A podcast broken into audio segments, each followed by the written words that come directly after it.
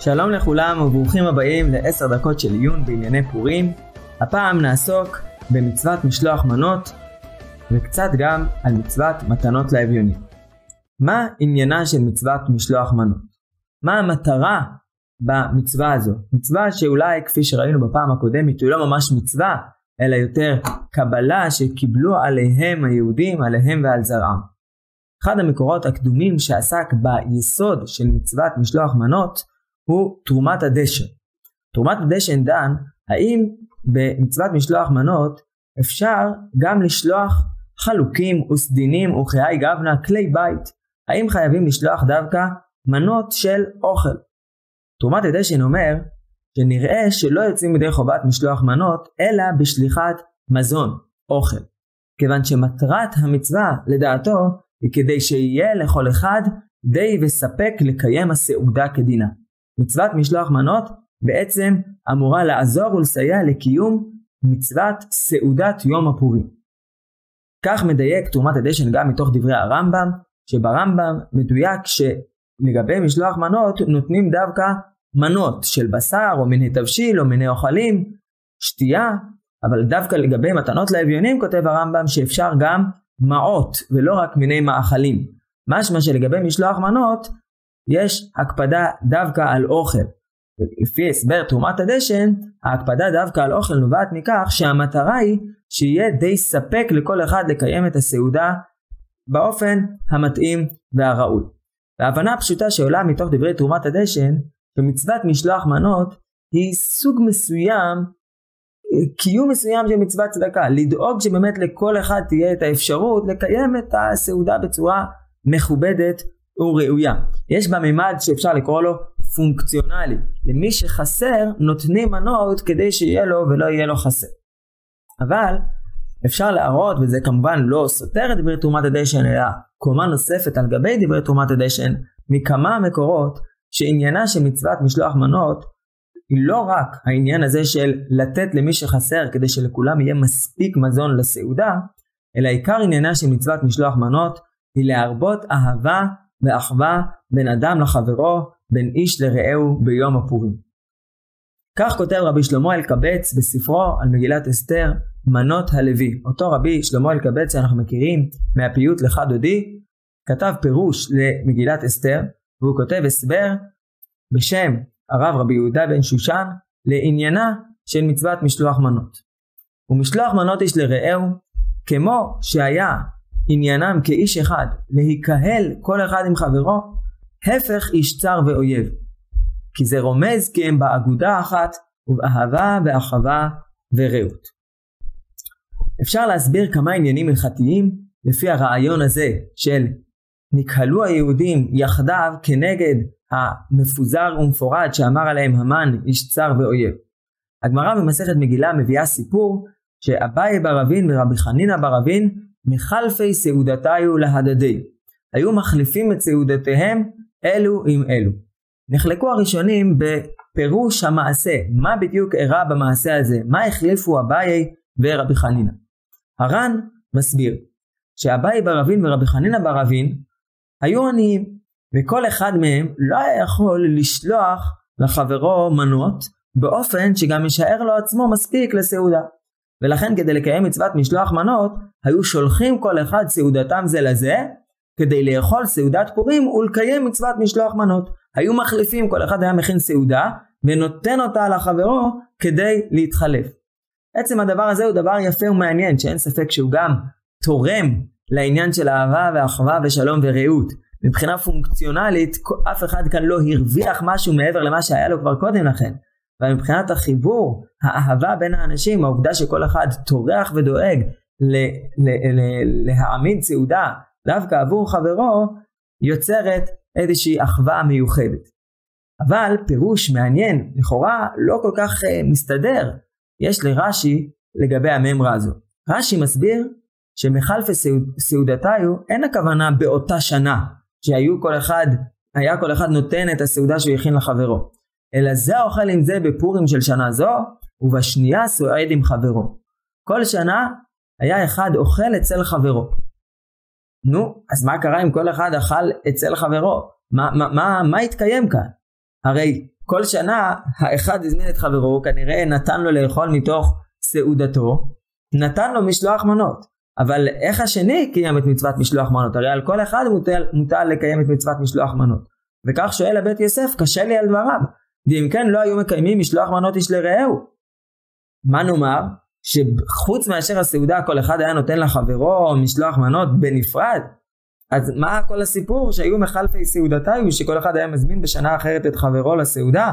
מה יעתה להשמועינן? שואל הבית יוסף. הרי אין פה שום קיום הלכתי בהחלפה הזו של הסעודות, בהזמנה ההדדית משנה לשנה, כל אחד את חברו. הבח, רבי יואל סירקיש, מסביר את שיטת רש"י באופן נפלא. נקרא את לשונו בעניין הזה. אלא כך הוא הפירוש.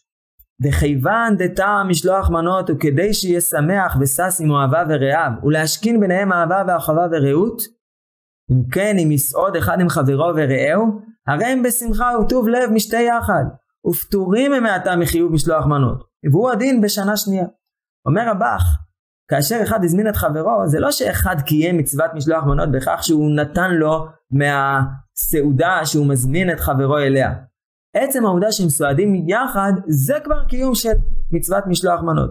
כי המצווה אין עניינה נתינה פיזית שאחד נותן לשני. המצווה היא הרביית אהבה ואחווה ושלום ורעות על ידי סביב האמצעי הזה של האכילה של המאכלים. וכאשר אוכלים ממש ביחד לא רק שאחד נותן לחברו אלא ממש יושבים יחד צועד האחד עם חברו בשמחה וטוב לבב מעתה הם פטורים מחיוב משלוח מנות כי הם כבר נמצאים בתוצאה בקיום של התוצאה של מטרת העניין של מצוות משלוח מנות. אומר רבך לפי זה לא צריך לפרש כמו שפירש הר"ן שהם היו עניים שכל אחד לא היה לו ולכן הוא החליף את הסעודה עם חברו ייתכן שהם היו עשירים וגם עשירים אומר רבך כך הדין אם הם אוהבים זה את זה ביתר עוז והסכימו שטוב ויפה להם לשבת אחים יחד בסעודת פורים בשמחה ובטוב לב משתה כברכת השם אשר נתן להם כך הם יוצאים מידי חובתם כך מסביר רבך את שיטת הרש"י והבך אומר וההסבר הזה נראה לו ההסבר המרכזי והטוב ביותר בפשט הגמרא. שתי השלכות הלכתיות נוספות לתפיסה הזו לפי האחווה והרעות הם המרכז של משלוח המנות. השלכה אחת כותב הכתב סופר, רבי אברהם סופר, בנו של החתם סופר. דן הכתב סופר, מה הדין במי ששולח מנות לחברו בעילום שם. החברו מקבל את המשלוח והוא לא יודע אפילו מי שלח לו. אומר הכתב סופר, אם המטרה של משלוח מנות היא רק המטרה שהציב תרומת הדשן, שלכל אחד יהיה כדי מחסורו, שלא יחסר לו. אז אדרבה ואדרבה, כאשר אתה שולח משלוח מנות בעילום שם, אז ודאי מתקיימת המצווה, ואולי מתקיימת אפילו בהידור, כפי שאנחנו יודעים שבצדקה יש איזשהו הידור ועניין, דווקא שהמקבל לא יתבייש, לא ידע מי שלח לו. הנה הוא מקבל את מה שחסר לו לסעודת פורים, יש לו מזון מספיק לסעודת פורים. אבל אומר הכתב סופר לפי הטעם, שהביא רבי שלמה אלקבץ, הכתב סופר גם במקומות אחרים, מזכיר את הטעם הזה, הטעם של הרביית אהבה ואחווה ושלום ורעות. כאשר אני מקבל משלוח ואני לא יודע ממי קיבלתי, לא מתווספת שום אהבה ואחווה. החיבור הוא העיקר, המשלוח הוא רק האמצעי.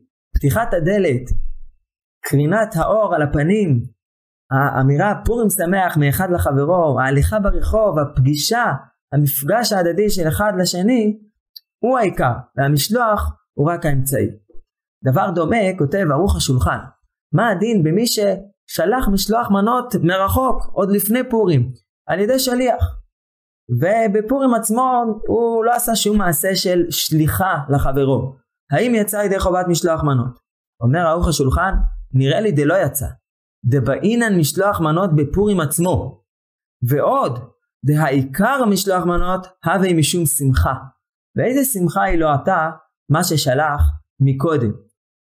צריכה להיות התרחשות מעצם המשלוח, עצם קבלת המשלוח, עצם נתינת המשלוח. בלי ההתרחשות, עיקרה של המצווה לא מתקיים.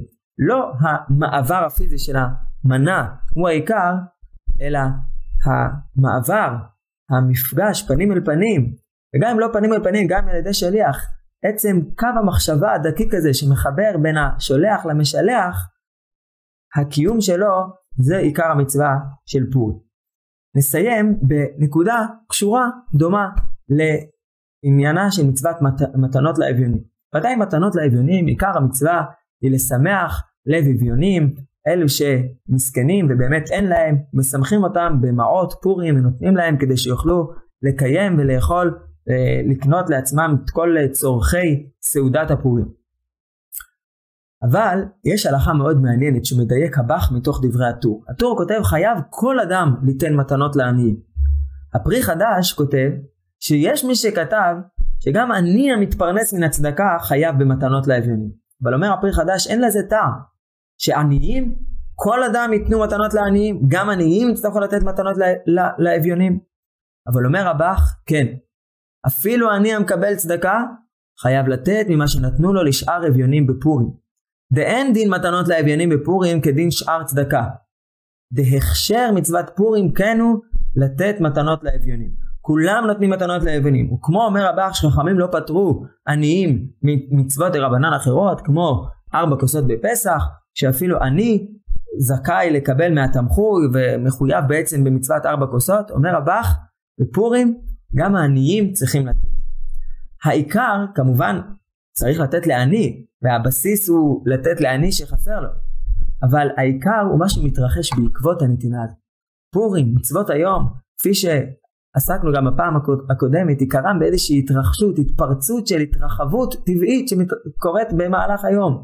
השמחה, המשתה, המתנות מאחד לשני, מתנות לאביונים, משלוח מנות איש לרעהו, החיבור, האהבה והאחווה ושלום ורעות. גם אני, גם אני צריך לתת.